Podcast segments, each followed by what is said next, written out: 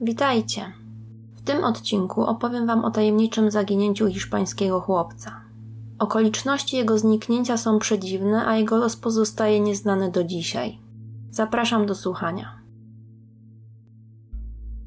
25 czerwca 1986 roku około 6 rano ciężarówka Volvo F12 przewożąca 20 tysięcy litrów czystego kwasu siarkowego do użytku przemysłowego jedzie wzdłuż przełęczy Somosierra w Hiszpanii w kierunku północnym. Droga biegnie w dół, a ciężarówka nabiera coraz większej prędkości. Kierowca najpierw wyprzedza jadącą przed nim ciężarówkę, następnie kolejną, przejeżdżając tak blisko niej, że urywa jej lusterko boczne. Następnie zbliża się do trzeciej ciężarówki, spychając ją z drogi. Cała scena wygląda tak, jak gdyby kierowca rozpędzonego auta nie był w stanie nad nim zapanować. Kilka sekund później zdarza się nieuniknione i Volvo zderza się z inną ciężarówką jadącą w przeciwnym kierunku z prędkością 140 km na godzinę. Ciężarówka przewraca się, a siła uderzenia powoduje pęknięcie zbiornika z kwasem, który rozlewa się na kabinę oraz teren wokół drogi, wznosząc toksyczną chmurę. Ekipy ratunkowe jak najszybciej docierają na miejsce zdarzenia, ale niestety podróżujących ciężarówką kobiety i mężczyzny nie udaje się uratować. Rozlany kwas powoduje prawie natychmiastowy zgon. Początkowe działania ratowników skupiają się więc na oczyszczaniu terenu oraz zapobieganiu rozprzestrzeniania się skażenia do okolicznych rzek. Teren zostaje zasypany mieszanką piasku i wapna. Po trzygodzinnej akcji udaje się w końcu wyjąć z kabiny ciała zmarłych. Identyfikacja przebiega szybko. Udaje się ustalić, że ofiarami wypadku są kierowca ciężarówki Andres Martinez z Puento Alamo, miasta leżącego w hiszpańskiej prowincji Murcia, oraz jego żona Carmen Gomez, towarzysząca mężowi w podróży. Jeśli chodzi o zbiornik z kwasem, został on napełniony w Kartagenie poprzedniego wieczoru, a kwas miał być dostarczony w dniu wypadku do Bilbao na północy Hiszpanii. Po południu funkcjonariusz policji staje przed trudnym zadaniem przekazania tragicznej informacji bliskim ofiar. Rozmawia przez telefon z matką Carmen, która mieszka w Murcji. Zrozpaczona kobieta zadaje pytanie, które zaskakuje wszystkich. Co z chłopcem? Czy wszystko z nim w porządku? Okazuje się, że w trakcie tej podróży oprócz Carmen Andresowi towarzyszył też ich jedyny dziesięcioletni syn, Juan Pedro Martinez. Już wcześniej zdarzało się, że chłopiec wybierał się w podróż razem z rodzicami, ale nigdy na tak długo. Ta podróż była wyjątkowa. Miała być nagrodą na zakończenie roku szkolnego. Juan marzył bowiem o odwiedzeniu pełnego bujnej zieleni kraju Basków, tak innego od pustynnych okolic Murcji. Andres namówił swoją żonę, aby im towarzyszyła i czuwała nad dzieckiem w momentach, gdy on miał rozładowywać ciężarówkę w miejscu docelowym. Po dostarczeniu towaru rodzina miała zwiedzić okolice Bilbao.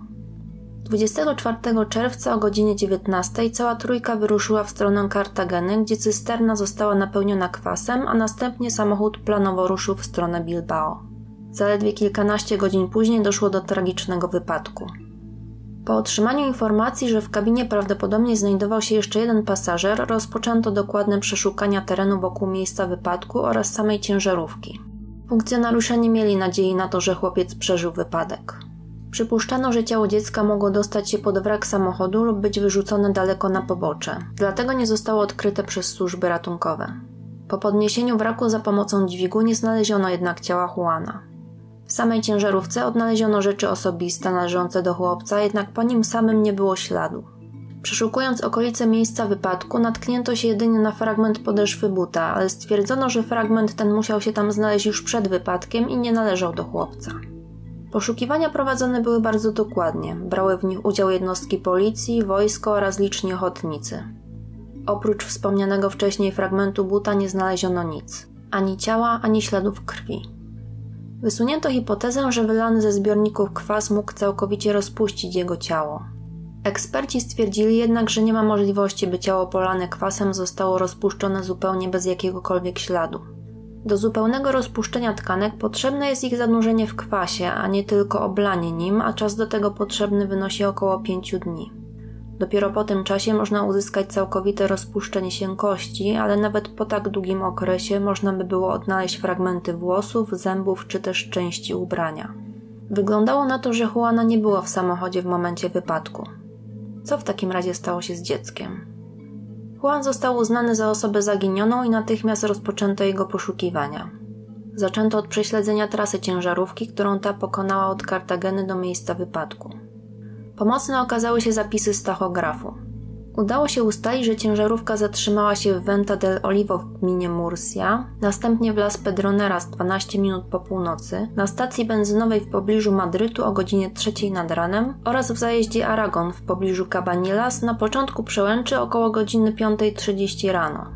Kelner bez problemu przypomniał sobie rodzinę, a nawet to, co zamówili. Dwie kawy dla rodziców i ciasto dla chłopca. Zjedli, zapłacili i pojechali dalej. Nie zachowywali się w żaden sposób nietypowo. Kelner nie widział wprawdzie momentu, gdy cała trójka wsiadała do pojazdu, widział jednak jak ciężarówka odjeżdża z parkingu. Do tej pory podróż rodziny wydawała się przebiegać normalnie. Późniejsze wskazania tachografu pokazują jednak coś dziwnego. Po wjechaniu na przełęcz ciężarówka odbyła 12 bardzo krótkich postojów. Najkrótszy trwający krócej niż jedną sekundę i najdłuższy, ostatni, trwający około 20 sekund. Kierowcy obeznani z tym odcinkiem drogi twierdzą, że nie ma żadnego logicznego powodu, dla którego kierowca miałby zatrzymywać się w tym miejscu.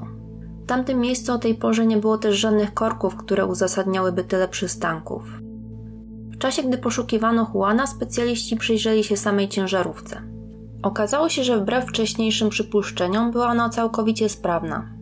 Kierowca nie stracił więc nad nią panowania, a wszystko, co wykonywał na drodze, robił prawdopodobnie z premedytacją. Kierowca ciężarówki, która została wypchnięta z drogi, oświadczył, że tuż po wypadku biały samochód dostawczy Nissan Vanet zatrzymał się przy jego pojeździe. Kierował nim wąsaty mężczyzna, który mówił z obcym akcentem. Towarzyszyła mu blondynka. Mężczyzna powiedział mu, żeby się nie martwił i że jego żona jest pielęgniarką. Kobieta sprawdziła stan ciężko rannego kierowcy, a następnie Nissan odjechał z miejsca wypadku. Krążyły pogłoski, że pasterze wypasający zwierzęta na pastwisku w pobliżu miejsca wypadku również widzieli tę parę. Kobieta i mężczyzna mieli wynosić coś z rozbitej ciężarówki. Gdy jednak policja próbowała dotrzeć do świadków tego zdarzenia, ustalono, że w dniu wypadku w pobliżu jego miejsca nikt nie wypasał zwierząt. Żadni świadkowie nie zgłosili się też, aby złożyć zeznania. Przypuszcza się więc, że była to tylko pogłoska nie mająca nic wspólnego z prawdą. Niestety wieloletnie poszukiwania Juana nie dały żadnego efektu. Do dzisiaj nie wiemy, co stało się z chłopcem. Wiele osób zastanawiało się, co takiego mogło przydarzyć się jego rodzinie w czasie 30-minutowego przejazdu przez przełęcz. Trudno jest ustalić wiarygodną wersję wydarzeń, która tłumaczyłaby wypadek i zaginięcie Juana. Niektórzy przypuszczają, że rodzina padła ofiarą przypadkowego spotkania z handlarzami narkotyków. Mówi się, że rano w Somosierze na trasie przejazdu ciężarówki policja prowadziła rutynową kontrolę samochodów, chociaż oficjalne źródła nie potwierdzają tej informacji. Jeśli jednak tak faktycznie było, to handlarze narkotyków mogli zmusić kierowcę ciężarówki do zatrzymania się, a następnie kazać mu przewieźć narkotyki przez punkt kontrolny. Rodzina prowadząca legalnie ciężarówkę nie wzbudziłaby bowiem podejrzeń policji. Handlarze mogli wziąć syna Andreasa jako zakładnika, tak by mieć pewność, że rodzice nie zaalarmują funkcjonariuszy przy przekraczaniu punktu kontroli. W ciężarówce znaleziono wprawdzie ślady heroiny, ale nie w kabinie, a w samej cysternie. Czy jest możliwe, żeby handlarze umieścili w niej narkotyki, nie zdając sobie sprawy z tego, że jej zawartość zniszczy cały pakunek? Czy byłoby to w ogóle możliwe technicznie? Do teorii o porwaniu nie pasuje zachowanie Andresa. Jeśli ktoś porwałby jego syna, nie miałby on powodu z premedytacją rozpędzać się i powodować wypadek. Nie zgadza się też czas postoju. Wydaje się, że porwanie dziecka i przekonanie jego rodziców do przemytu narkotyków powinno zająć więcej czasu niż tylko kilkadziesiąt sekund. Policja dodatkowo przyjrzała się przeszłości Andresa, szukając jakichkolwiek powiązań z biznesem narkotykowym, jednak nic takiego nie znaleziono. Niektórzy twierdzą, że w czasie podróży przez przełęcz doszło do porwania dziecka, a narkotyki nie miały z tym związku.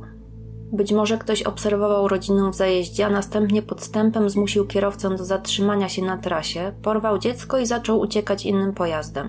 Ojciec mógł próbować dogonić samochód porywaczy i przez to spowodował wypadek. Ta teoria jest możliwa, nie ma jednak żadnych dowodów na jej potwierdzenie.